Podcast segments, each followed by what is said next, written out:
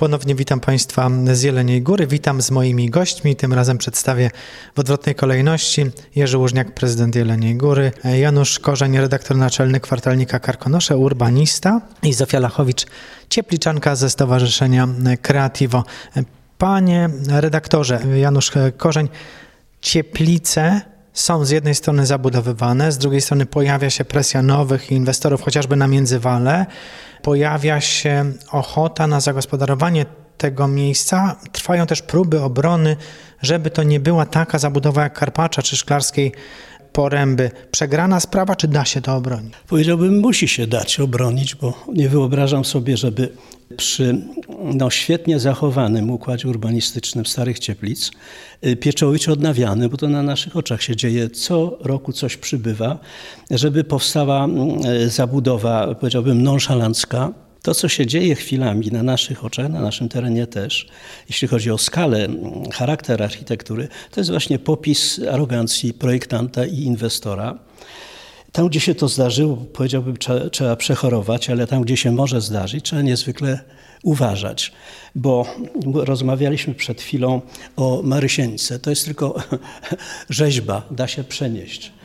Duże obiekty architektoniczne, przeskalowane, z, powiedziałbym, raz odważną, ale niepotrzebnie odważną architekturą, to jest dla mnie e, nie tyle szok, co po prostu zbrodnia na otwartym organizmie. W Cieplicach sobie tego nie wyobrażam. Kiedy się pojawia jeden obiekt w regionie, to dzisiaj on jest szokujący, za 100 lat będzie cennym zabytkiem, bo jest nowatorski, inny, ale kiedy wszędzie ktoś próbuje postawić nowatorskie, inne zabudowania, no to się robi bałagan zwyczajny. No i tu właśnie z tym bałaganem jest kłopot, bo my, mieszkańcy, organizacje pozarządowe, ludzie wrażliwi, władza nasza, wybierana przecież mm, na czas y, ich rządów, y, no, muszą się czuć właścicielami swoich terenów. To nasz interes głównie powinien przeważać nad interesem indywidualnym, bardzo y, zekonomizowanym inwestorów. No, tak, ale dotykamy zjawiska y, ogólnopolskiego pewnego, o którym trwa dyskusja od wielu lat i nigdy nie wypracowano rozwiązań. To znaczy, ktoś jest właścicielem, jest studium, ewentualnie plan miejscowy, ktoś buduje coś, co jest zgodne z tym planem, z tym dokumentem, czy dostaje warunki zabudowy i tyle, tak? I nic więcej mu nie można zrobić. To nie do końca, bo e, powszechnie utarło się w naszej świadomości, że prawo własności jest niepodważalne, bo tak w konstytucji i tak dalej się powiedziało. Otóż nieprawda. Musi się respektować prawo lokalne, ustawy i one ograniczają y, y, działanie y, prywatnego właściciela. No takie skrajne przypadki, co można w parku na samej grani zrobić? No nic lub niewiele. Natomiast w przypadku Cieplic tak się składa, że mamy plan miejscowy, o ile dobrze pamiętam, obejmujący w zasadzie całą część zurbanizowaną i tam są bardzo wyraźne wytyczne, których trzeba pilnować.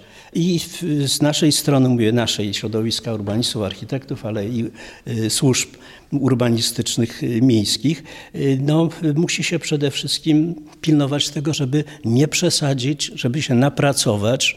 Dobry projekt, czy zrobiony... Wejdę znowu w słowo, ale później są apele do pana prezydenta, niech pan coś zrobi i zablokuje budowę pola golfowego z ilomaś tam kompleksami budynków, tak? I prezydent mówi, przepraszam, nie bardzo mogę.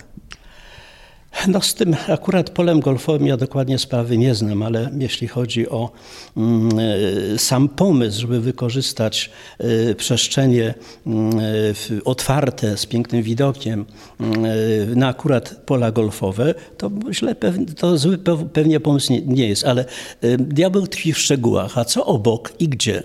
To są tereny zalewowe.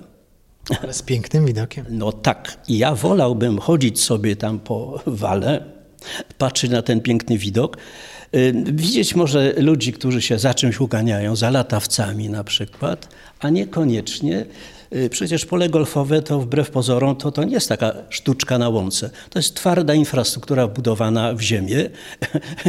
ja sobie nie wyobrażam tego, y, że ta infrastruktura wytrzyma okresowy napór wód. No przecież to jest nie do pogodzenia, tak myślę. E, ale wracając do spraw y, ładu, nieładu, mówię o mieszkańcach, o samorządzie. Naszym interesem jest to, żeby to, cośmy kiedyś tam odziedziczyli, co, czego pilnujemy, co rozbudowujemy, no było naszą wielką troską. Tego nie można sponiewierać, tego nie można popsuć. Jeżeli są ostre dyskusje chwilami na temat tego, co można, to powiedziałbym i Panie Boże dopomóż, trzeba się kłócić i pilnować głównie tego, co nas otacza. Cieplice akurat mają to szczęście, że właściwie powiedziałbym, jeżeli chodzi o samo centrum uzdrowiskowe, no w tej chwili prawie tak wyglądają, jak kiedyś wyglądały. A czego mieszkańcy zdecydowanie byście w tych cieplicach nie chcieli? No to znowu wychodzi to pole golfowe nie chcieliby tego pola golfowego. Są właśnie duże obawy, również ze względu na ten y, suchy zbiornik zalewowy, ale przede wszystkim to jest y, te, część pola golfowego ma powstać na y, terenach, gdzie jest rezerwat przyrody Natura 2000. Tam są unikalne, y, jest unikalne ptactwo, są różne y, rośliny, które są chronione. No i jest ta obawa, że uległoby to zniszczeniu.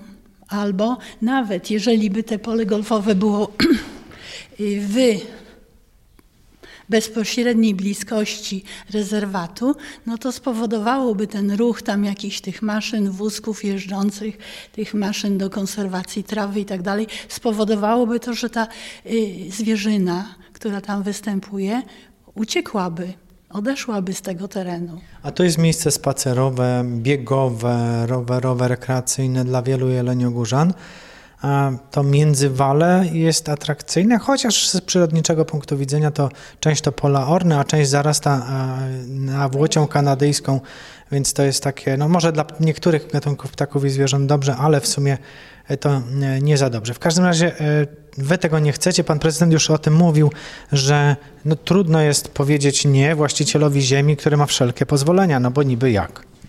Zgadza się i tutaj była rola przede wszystkim e, Agencji Własności Rolnej Skarbu Państwa. W momencie e, takim, kiedy ten teren został sprzedany prywatnemu inwestorowi, to my jako miasto praktycznie nic nie możemy, bo e, tam nie będzie żadnej zabudowy trwałej.